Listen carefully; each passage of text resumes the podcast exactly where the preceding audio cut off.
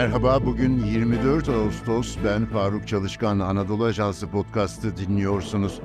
Kuzey Atlantik Antlaşma Örgütü, bir askeri ve siyasi ittifakın NATO'nun açılımı böyle. İşte o antlaşma ilk üyelerin parlamentolarında onaylanması ardından 74 yıl önce bugün yürürlüğe girdi. 1951'deki Kore Savaşı'na dek faaliyeti görülmemişti. Türkiye NATO'ya kuruluşunun ardından ilk katılan devletlerden biri.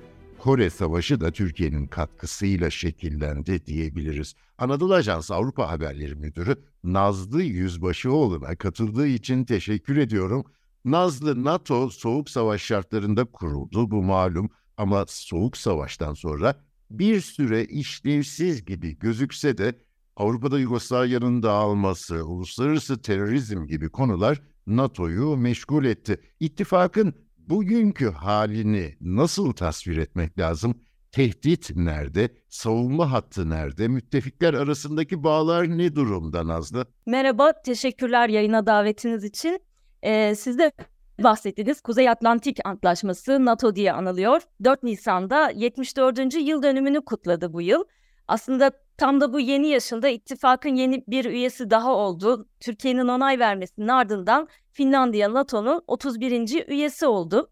Geriye dönüp baktığımızda İkinci Dünya Savaşı'ndan sonra 1949'da 12 üyeyle kurulup yola çıkan bir, bir ittifaktan bahsediyoruz ama bugün genişleme politikasıyla üye sayısını artırmış, farklı stratejiler belirlemiş yeni bir NATO'da var e, önümüzde. Ee, söylediğim gibi Nisan ayında kuruldu. İttifaka adını veren antlaşma tüm imzacı ülkelerin onay belgelerinin sunulmasının ardından 24 Ağustos'ta yürürlüğe girdi. İşte neredeyse 3 çeyrek asırdır yürürlükte olan, e, söylediğim gibi 12 üyeyle başlayıp 9 kez genişleme süreçlerinden geçen ve bugün 31 üyesi olan bir güvenlik çatısı, bir ittifak NATO. Ancak bugünkü NATO'yu anlayabilmek için NATO nasıl bir ortamda kuruldu ona da dönüp bir bakmak e, gerekiyor aslında. E, NATO Sovyetler Birliği'ne karşı kurulmuş bir askeri güvenlik şemsiyesi olarak yola çıktı. Belki de ittifak bir anlamda Soğuk Savaş'ın simgelerinden biri olarak da kimlik bulmuş aslında. Amaç yayılmacı ve saldırgan Sovyetler Birliği'ne karşı üyelerinin ideolojilerini ve toprak bütünlüğünü korumak. Ee, İkinci Dünya Savaşı ortamını hatırlayalım. Ee, savaşın ardından Avrupa'yı düşündüğümüzde ekonomi, altyapı, insan gücü bakımından büyük bir kayba uğramış bir Avrupa'yı görüyoruz. Eski kuvvetini, uluslararası arenadaki gücünü yitirmiş ve savaşın ardından e, milli gelir ve maaşların gerilediği bu Avrupa ülkelerinde komünizmin yayılması için de uygun bir ortam var.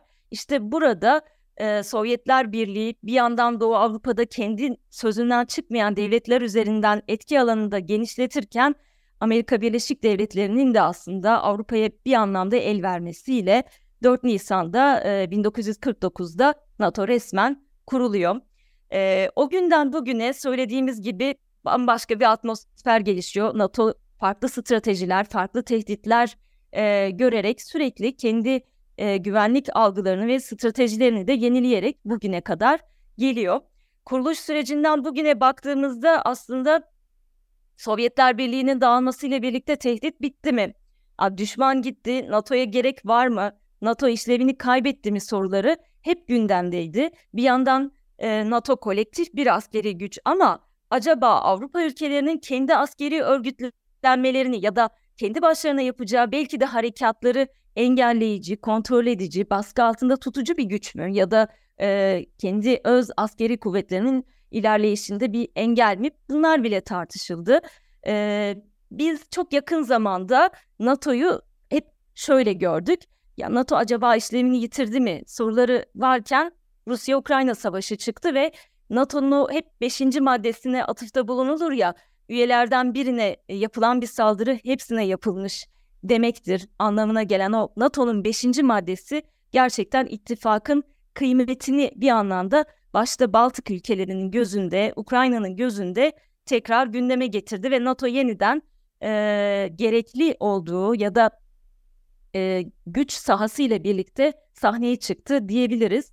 Pek çok başlık var. E, NATO'nun bugüne kadar meşgul olduğu, siz de bahsettiniz. E, tarihinde ilk askeri müdahalesi mesela 40, kuruluşundan 46 yıl sonra gerçekleşiyor. Yugoslavya İç, İç Savaşı'nda e, bölgesel problemler olduğunda NATO devreye giriyor. Bosna'da ittifakın oynadığı rolü hatırlayabiliriz. Körfez krizinde NATO kaynaklarının kullanımını hatırlayabiliriz. NATO bugün de e, kriz dönemlerinde hazır ve güçlü askeri unsurlar olarak siyasi iradeye de sahip bir örgüt olarak ön plana çıktı. İttifakın bugünkü haline baktığımızda e, şunu görüyoruz. Evet Sovyetler Birliği'ne karşı kuruldu denilebilir, e, komünizme karşı kuruldu denilebilir. Bunlar ortadan kalkınca ne oldu diye bakıldığında NATO kendisine diğer tehdit alanlarını da tespit etmiş ve bunlara göre de yapılanmış bir kuruluş olarak bugün karşımızda. Rusya Ukrayna Savaşı'ndan dolayı bir tehdit. Rusya'yı bir ilk sıraya koyabilir. Ee, bir, koyabiliriz NATO'nun stratejik konseptlerine baktığımızda. ikinci tehdit alanı olarak NATO uluslararası terörü kendisine e, belirliyor. Stratejik konseptlerinde bunun altını çiziyor. Ge- gerek e, yazılı belgelerde gerek NATO Genel Sekreterinin söylemlerinde hep bu terör vurgusunu görüyoruz.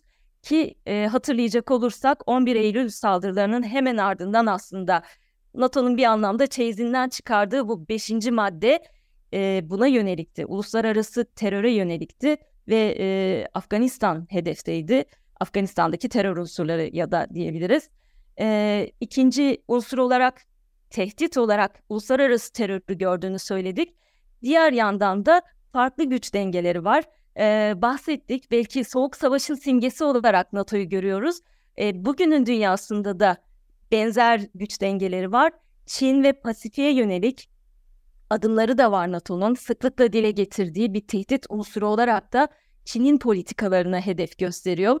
Ee, bugün söylediğim gibi e, NATO'ya baktığımızda aslında kuruluş gününden bugüne hiçbir zaman kendisini boşa çıkarmayacak, e, her zaman günün e, gerektirdiği stratejik hedefleri belirleyen, e, tehditleri belirleyip ona göre de kendisini yapılandıran ve genişleme politikasına e, dikkat edip önem veren bir NATO görüyoruz. Genişlemesinden bahsedince aklıma son dönemde bahsettin Finlandiya'nın katılımı ve İsveç'in hala katılamaması. Bütün bu yeni genişleme dalgasında da Türkiye odak noktasında o açıdan durum nedir? Finlandiya ve İsveç Avrupa'da güvenlik mimarisinin değiştiğini gördük diyerek Rusya-Ukrayna savaşının patlak vermesiyle birlikte NATO'ya katılmak istedi. Çok dikkat e, etmemiz gereken önemli bir ayrıntı aslında. Uzun yıllar tarafsızlık ilkesini benimsemiş ülkelerden bahsediyoruz. E, NATO'nun e, bu koruyucu çatısı belki de caydırıcılık ve savunmayı öne çıkaran e, koruyucu kalkanı e, söylediğim gibi Baltık ülkeleri için de çok önemliydi. Başta Finlandiya, İsveç ve Ukrayna öne çıktı. Bu genişleme politikasına dahil olmak isteyen, üyelik başvurusunda bulunan. Hatırlayalım Finlandiya ve İsveç aynı gün başvurmuştu. Ancak Türkiye'nin bazı e, çekinceleri vardı. E, Finlandiya ve İsveç'in süreci birlikte başlamış olsa da Finlandiya'nın bu taahhütleri yerine getireceğine dair taahhütleri göz önünde bulundurularak NATO üyesi olmasına Türkiye olur verdi ve Finlandiya 31. üye olarak bayrağını NATO karargahında e, göndere çekti. Ancak e, İsveç'in sürecinde bir hareketlenme yakın zamanda oldu. E, Vilnius'ta, Litvanya'daki NATO zirvesinde İsveç'in üyeliğine dair büyük bir hareketlilik gerçekleşti. Türkiye, İsveç, NATO e, görüşmeleri yapıldı ve bu görüşmeler e, neticesinde de aslında bize e, İsveç'in NATO'ya üyeliğine ilişkin bir projeksiyon da sunuldu diyebiliriz. Türkiye, İsveç'in NATO'ya katılımı ile ilgili sürecin onaylanması için katılım protokolünü Türkiye Büyük Millet Meclisi'ne sevk edecek. Buna karşılık da İsveç, Türkiye'nin meşru güvenlik endişelerini giderme, terörle mücadele konusunda işbirliği yapmak üzere de ikili güvenlik mekanizması oluşturulmasını teklif etti. Şimdi bu mekanizmalar, bu görüşmeler tabii ki hareketlenecek. Ee, diğer yandan İsveç'in bir taahhütü daha var. Türkiye'nin Avrupa Birliği sürecine destek vereceği taahhütünde bulundu. Türkiye'nin önünü açarak e, bu çabalara destek vereceğini belirtti. NATO da burada bu süreci e, daha karşılıklı güven esasına e, yönelik yürütebilmek için terörle mücadele özel koordinatörü atayacağını söyledi. e, bu NATO tarihinde bir ilk olacak. Tabii İsveç'in üyelik sürecinde bu sürece başvuru yaptığında Türkiye'nin çekinceleri terörle mücadelede ben size güvenmeliyim bir müttefiklik ruhu varsa terörle mücadelede Türkiye'nin kaygılarını öncelikli gözetmelisiniz demişti ama çok yakın süreçte Kur'an-ı Kerim'e yönelik saldırıların da çok öne çıktığı bir ülke olarak karşımızda İsveç. Buna ilişkin de aslında e, taahhütlerde bulunuyor. Bu konunun ifade özgürlüğünden ayrı olarak değerlendirmesine yönelik yasal düzenlemeler yapacağına dair e, sinyaller veriyor. Ancak işte bu protokol, katılım protokolü Türkiye Büyük Millet Meclisi'nin önüne geldiğinde Türkiye'nin çekinceleri, bir yandan terörle mücadele konusu varken diğer yandan Kur'an-ı Kerim'e yönelik e, saldırılara dair tutumu karşısında İsveç'in taahhütleri ne kadar yerine gelmiş olacak? Türkiye Büyük Millet Meclisi ne kadar ikna edilmiş olacak? Bunu e, sonbaharda ilerleyen zamanda göreceğiz.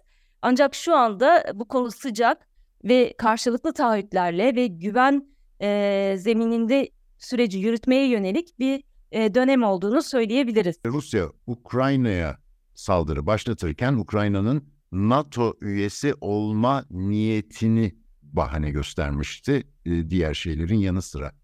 Ukrayna savaş sırasında bu talebini, üye olma talebini iyice e, ortaya çıkardı zaten. E, peki Finlandiya, İsveç ve Ukrayna. Ukrayna'nın durumu hakkında ne diyebiliriz? Ukrayna'ya şu anda bir NATO üyeliğinin verilmesi demek, NATO'nun doğrudan Ukrayna-Rusya savaşına müdahil olması demek. Savaş devam ederken bir ülkenin NATO üyesi olması, bu savaş alanının genişlemesi e, ve sadece bölgesel bir noktada kalmaması tüm NATO ülkelerinin bu meseleye dahil olması demek tabii ki. Son NATO zirvesinde Litvanya'da bu konu da sıklıkla dile getirildi. Aslında NATO ülkeleri 15 yıl önce Bükreş'te Ukrayna'nın ittifaka üye olacağını teyit etmişti. Ancak şartların olgunlaşması, yerine gelmesi bekleniyor notu vardı.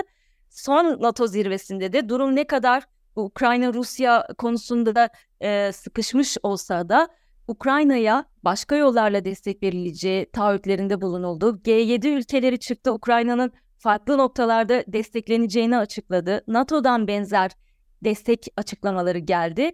Ee, sözün özü Ukrayna'ya şu anda siz savaştayken üye olmanız mümkün değil ancak prensipte üye olmanızı istiyor ve destekliyoruz. Fakat Rusya ile savaşınızda sizi farklı mekanizmalarla destekleyeceğiz mesajı verildi. Anadolu Ajansı Avrupa Haberleri Müdürü Nazlı Yüzbaşıoğlu'na çok teşekkür ediyorum. Bizi hangi mecrada dinliyorsanız orada abone olmayı lütfen unutmayın. Hoşçakalın.